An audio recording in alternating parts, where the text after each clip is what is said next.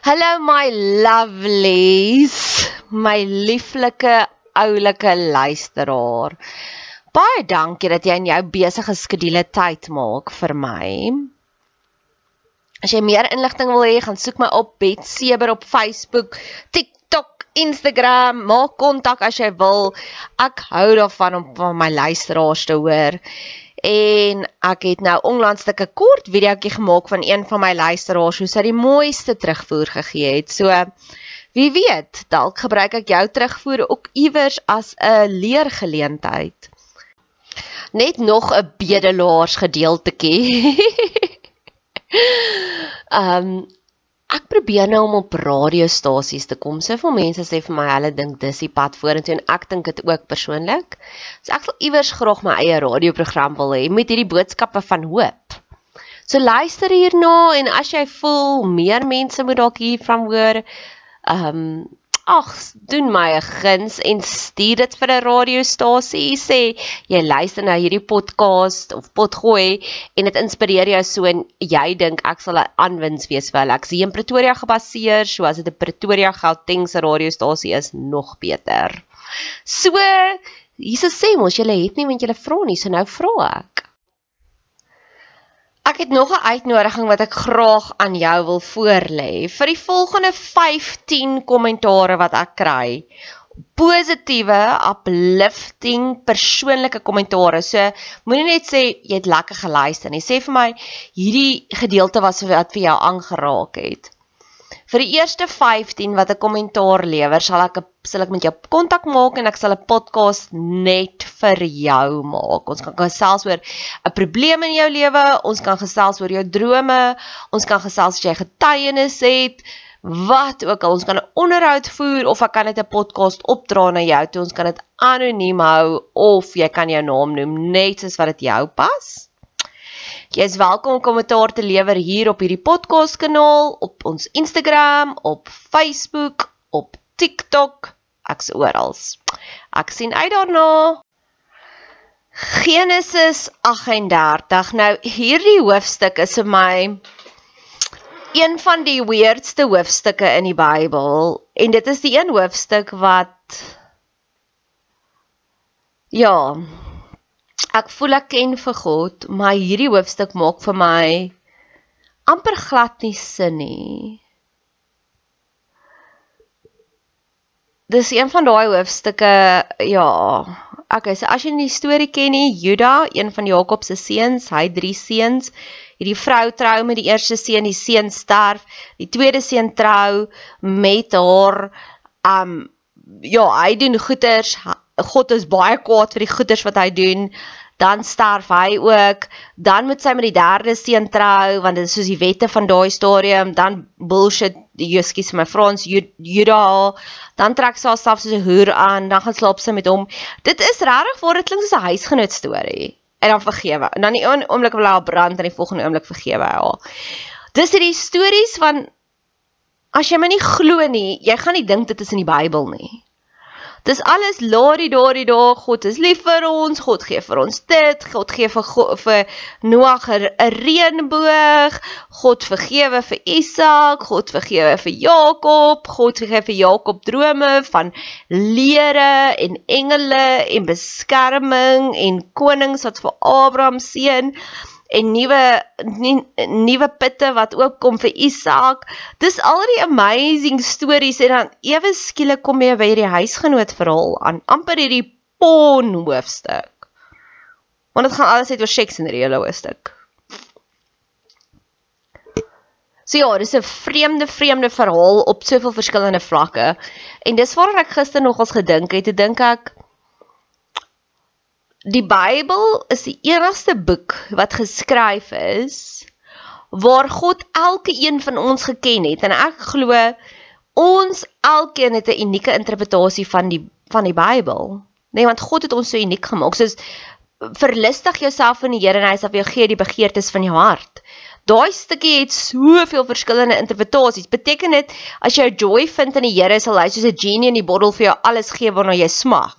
Of beteken dit as jy jou joy vind in die Here, sal hy vir jou in jou hartjie plant wat waarvoor jy moet hoop? Verstaan, daar's so soveel verskillende interpretasies. Maar kom saam met my deur hierdie reis van Genesis 38 en kom ons kou hom uit en kom ons kyk wat se golden nuggets is daar.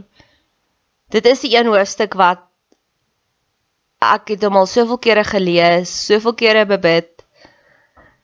En elke keer sit ek met meer vraagtekens as wat ek van die voor die tyd is. En dalk is dit ja, dalk is dit juist nou vir my.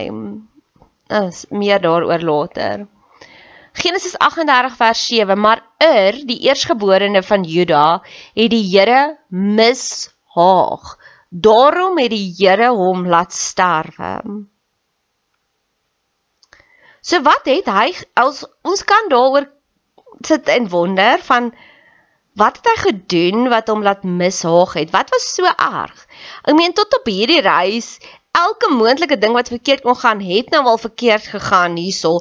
Ons het al gepraat van moord, Kain vermoei moord vir Abel, maar nogtans gee God vir Kain beskerming, nê? Nee? Um Jakob bedrieg sy broer Esau, jok vir sy pa, nogtans seën God hom. So wat het hierdie kind gedoen wat so erg was in die Here se oë dat daar geen genade was nie? Noag het dronk geword en sy hele familie in skande gebring. Um 'n paar hoofstukke terug lees ons van die een kind wat met sy pa se byvrou slaap en nog gebeur niks. So wat was so erg? Dis erger as moord hierdie en God het hom laat sterwe net so in 'n oogwink.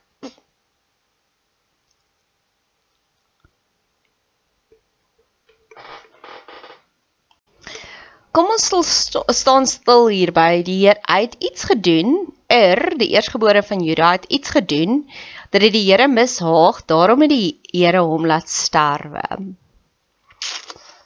My vriendin het in die week um vir my 'n storie vertel en toe sê ek vir hom maar dis hoekom ek doen wat ek doen want die liedjie van One Republic I lived is is my motto in die lewe. Ek wil net ja, alles elke geleentheid gebruik. As ek vir jou kan bid, dan wil ek vir jou bid. Ek wil nie met enige verwyte gaan sit nie. En toe sê sy vir my dit voel vir haar asof ek Spreuke 29 vers 30 uitleef waar God sê ek plaas by voor julle lewe of dood. Wat kies julle? Maar kies lewe. Ek glo elke keer wanneer ons iets doen wat buite God se wil is, sterf daar 'n stukkie van jouself. En dit ek sê dit nie condemning nie. Ek sê dit met ek wil vir jou hoop gee. Ek het een persoon in my lewe wat rarig baie dinge verkeerd doen en hy lewe so in denial dat ek sien hom as 'n lopende zombie. So ek kan al vir jou vertel, ek ek het al sulke mense gesien. Ek het sulke mense in my lewe wat sulke lopende zombies is. Wat net dood rondom hulle het. En dan het ek ander mense in my lewe wat hulle kan nie ophou om my te surprise uit die goedheid wat daar uitkom met iemand hulle kies lewe die hele tyd. En om lewe te kies Ja, dit beteken om al is dit die verhouding, maak dit jou so seer, maar jy weet as jy nou gaan wegstap, gaan jy spyt wees en jy kies weer lewe. Mag jy lewe kies op elke vlak. Al moet jy daai persoon vir die miljoenste keer vergewe, mag jy lewe kies.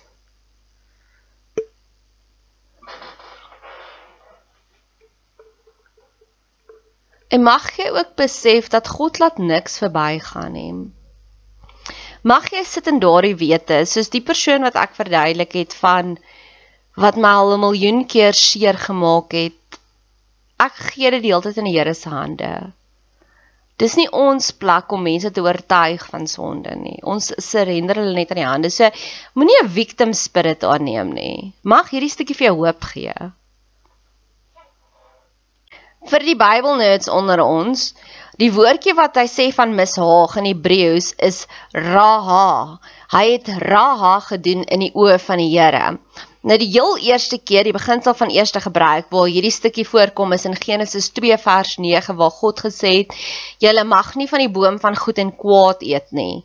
En dis daai kwaad wat hy gedoen het die hele tyd en dis kom God hom laat sterf het.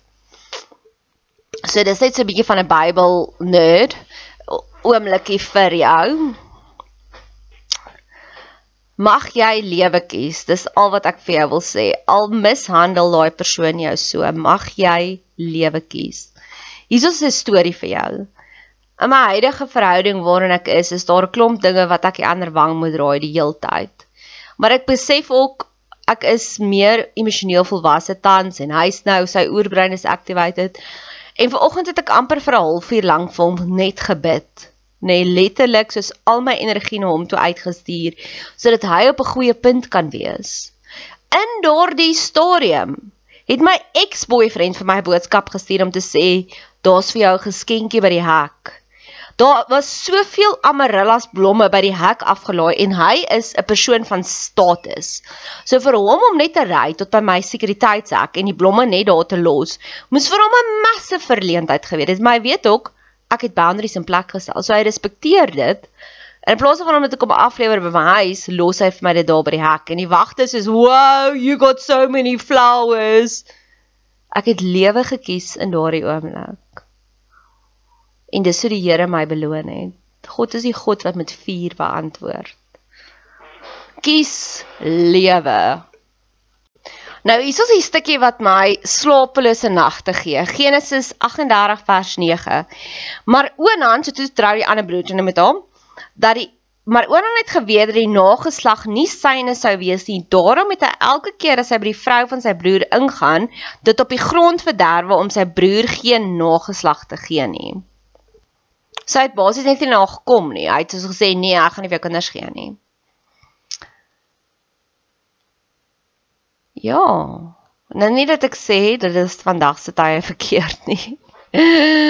jou jou intieme lewe is jou intieme lewe en as jy wat ook al daarmee wil doen, kan jy daarmee doen. Dis nou nie dat God gaan jou man laat sterf as jy dit sluk byvoorbeeld nie as ek nou maar so blaatant kan wees, maar kom ons gaan op 'n geestelike vlak hê.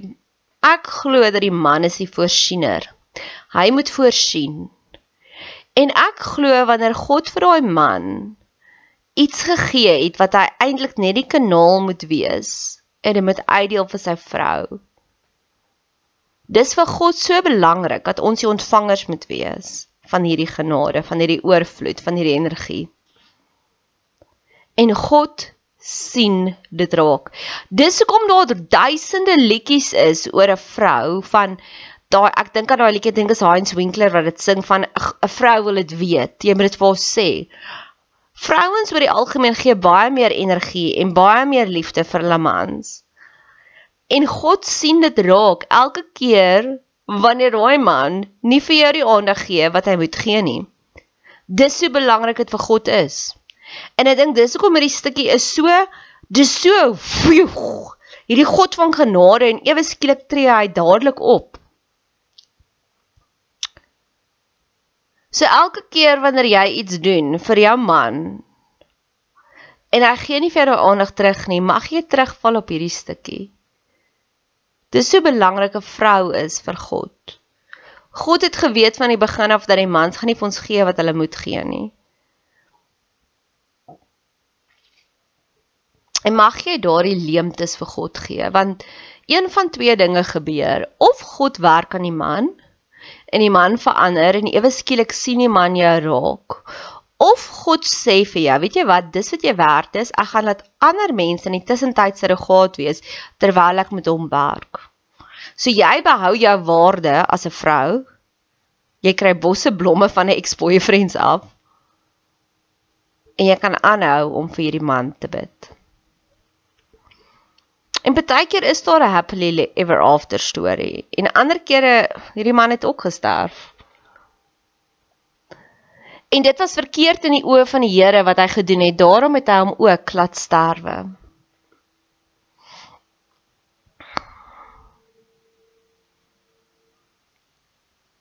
Ja, so mag jy vir God jou leemtes gee.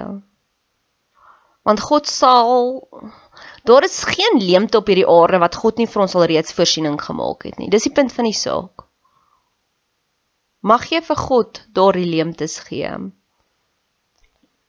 Jesus, hierdie klink nou na 'n verskriklike prekerige boodskappe. Maar ja, eers van alles kies lewe, tweede van alles God sien raak wanneer daar vir ons wanneer hy 'n blessing bestem het vir ons en hy wou die man gebruik het as die kanaal en die man stoor dit of die man vermors dit.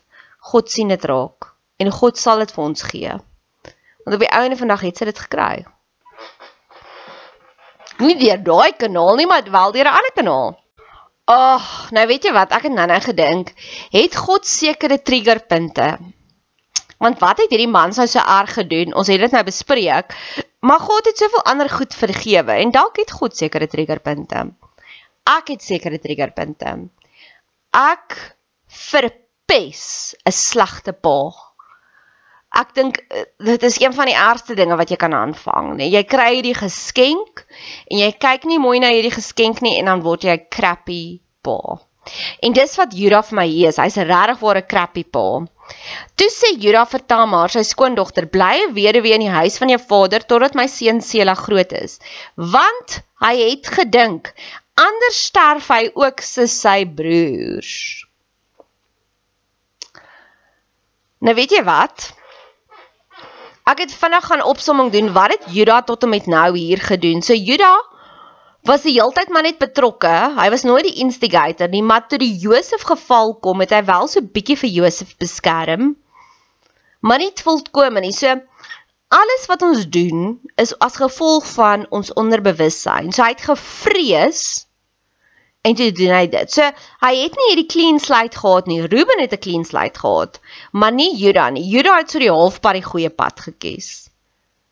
En hier sê die Bybel vir ons want hy het gedink. Met ander woorde, hy het uit vrees opgetree. Met ander woorde, hy het vir Tamar seer gemaak, ingedoen, evil volhoudings gehad vanuit vrees. Nou weet jy, daai is die grootste geskenk wat God vir ons kan gee.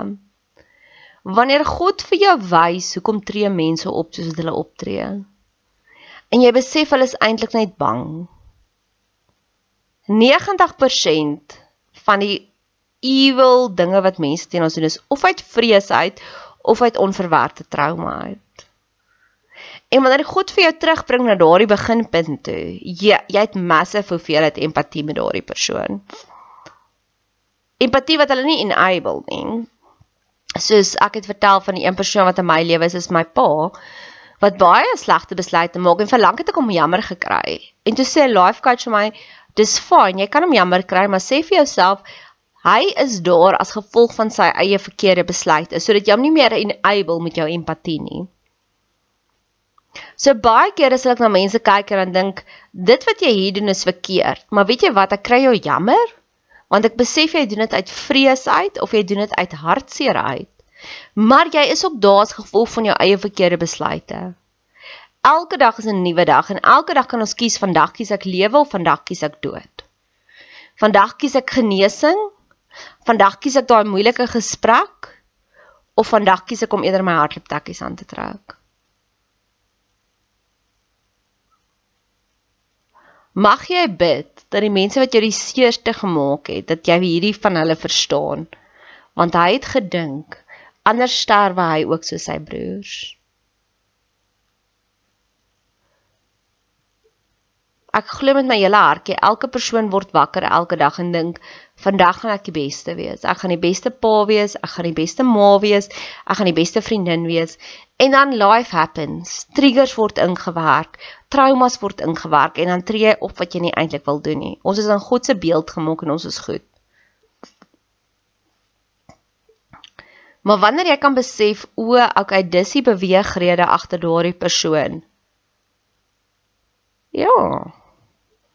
Dis dan wanneer jy meer empatie het vir die mense en soveel meer geloof in God ook te hê, want dan weet jy hy kan mense genees. Ek het al God gesien mense genees en mense verander.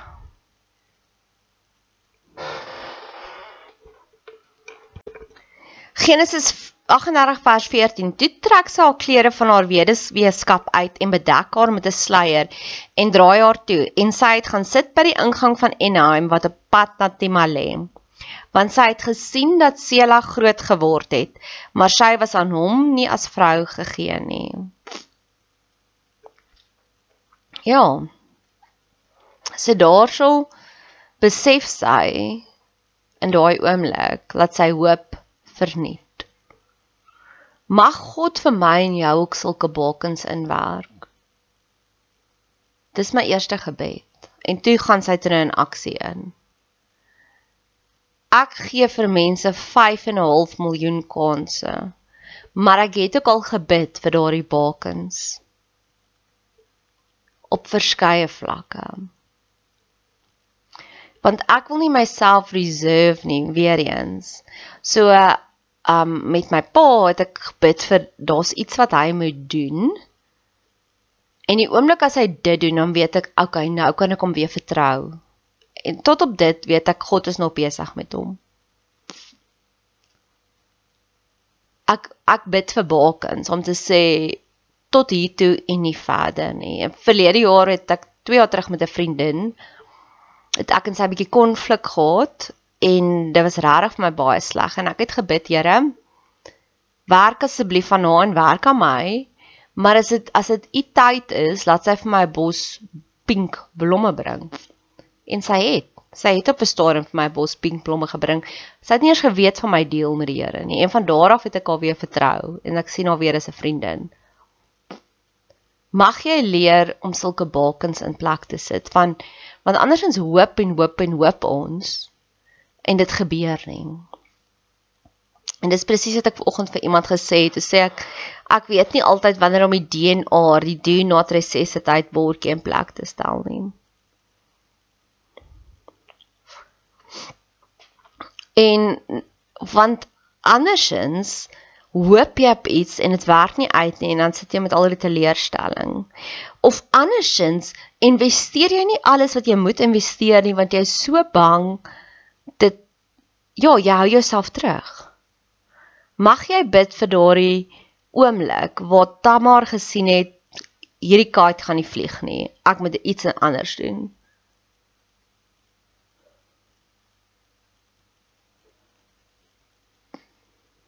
En dan misogyny. Ek wil sommer daarteen ook bid.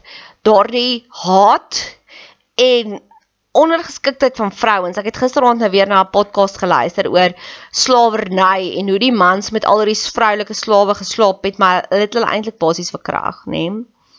So jy moet besef ons stryd is nie teen vlees en bloed nie, maar teen die bose magte in die lig. So hierso, Judas slaap saam met hierdie hoer. Dan kom dit terug, sy eie skoondogter is swanger en sy het gehoreer. Weet jy wat sy eerste reaksie? Bring haar uit dat sy verbrand kan word. Hallo dude, jy het presies dieselfde gedoen. Dis dieselfde met die oorspellige vrou. Net sy was voor Jesus geplaas, net sy was amper gestenig. Die man het skotvry daarvan uitgeloop. En dis nie hoe God ons gemaak het nie. Daai is 'n jaar 'n millennial oue leen van die vyand af om vir vrouens te sien as iets minder. En ja, ons lewe in 'n progressiewe tyd waar dinge het verbeter. Ons het feminisme nou. Vrouens kan werke kry. Daar was bestaan nie wat vrouens nie eers kon gaan swat het nie. So dinge het verbeter. Maar nog steeds in 'n onderbewussyn trek vrouens nog steeds aan die kortste end en ek wil dit ook voor die Here se voete gaan neerlê. Ek wil sê Here, U sien waar was ek oral, die slagoffer van misogyny. Kom en herstel dit en kom en gee vir my 7 keer meer van dit wat die vyand kom steel het. En van hier af vorentoe gaan ons lewe op 'n plek waar ons absolute gelykheid het. Ons gaan wel in ons rolle staan. Ek wil die nurturer wees. Ek wil die koesterer wees en ek wil hê hy moet vir my voorsien maar dit maak nie dat die een minder is as die ander nie. Daai regstellende aksie. Dis waarvoor ons hier bid. Nog een oor Genesis 38. So hierdie een het lekker by my kom spook. Genesis 38 vers 26 en en Juda het dit erken en gesê sy het reg teenoor my want ek het haar mos nie aan my seun Sela gegee nie en hy het haar verder nie meer beken nie. Nou wat ek vir jou gesê het in die een weergawe wat ek gelees het is she is more right than I am. Kom ons gaan vat dit gou 'n bietjie meer op 'n baie meer basiese uh, vlak. Ek is tans in hierdie verhouding en die persoon gee alle minder en minder aandag vir my oor ja, nie oor nie. Af, ek dink net hy is onvermoë om aandag te gee. En ek weier om daarvoor te settle. So ek doen nou soos baie baie vreemde spronge soos ek skryf vir myself elke week 'n nuwe battle plan soos hierdie week verlede week het ek probeer om hom te love bomb en dit het glad nie uitgewerk soos ek moet nie. En hierdie week is ek soos okay jy het nou al die energie wat jy wil uitdeel vir iemand en hy's duidelik nie tans reg daarvoor nie. En nou het ek soos ander mense neergeskryf wat ek voel okay ek sal nou maar net op julle aandag fokus vir 'n rukkie lank en kom ons kyk waar gaan ons uitkom die punt van die saak, die die gift wat ek vir jou wil gee en vandag is dit op my lysie om TikToks te maak oor aandag. Soos ek besef net alle vrouens het aandag nodig en ek besef net dat 90% van die vrouens struggle ongelooflik daarmee dat die mans nie vir hulle genoeg aandag gee nie. So ek gaan nou ekstreem measurements maak soos net aanhou en aanhou vir die Here vra vir aandag. Want is nou al vir die afgelope paar weke wat ek so voel en die Here reward my die heeltyd met aandag, soos aandag van allerlei ander bronne behalwe van hom. En die punt van die saak is wat ek graag vir jou wil sê is ek glo want dis waarna Tamara op soek was. Sy wou 'n kind gehad het, sy wou aandag gehad het. Sy het 'n leemte gehad en sy het nie gesettel vir haar leemte nie. Sy het nie net Ek het ver oggend weer besef Jesus Christus het gesterf sodat ons hierdie lewe in oorvloed kan hê. So die oomblik wanneer ons settle vir second best, maak ons eintlik 'n spottery van sy sterfte. Die oomblik wanneer ons maar net ja, God se water oor God se akker laat gaan, maak ons sy groot opoffering goedkoop. So ek gaan aanhou fight soos wat Tamara gefight het vir my stukkie aandag. Gee ons vandag ons daaglikse aandag. En ek weet dat die Here het al reeds aan my gesê alles wat jy gaan doen is goedgekeur. Dis die punt van die saak. Dis wat hierdie stukkie vir ons gee.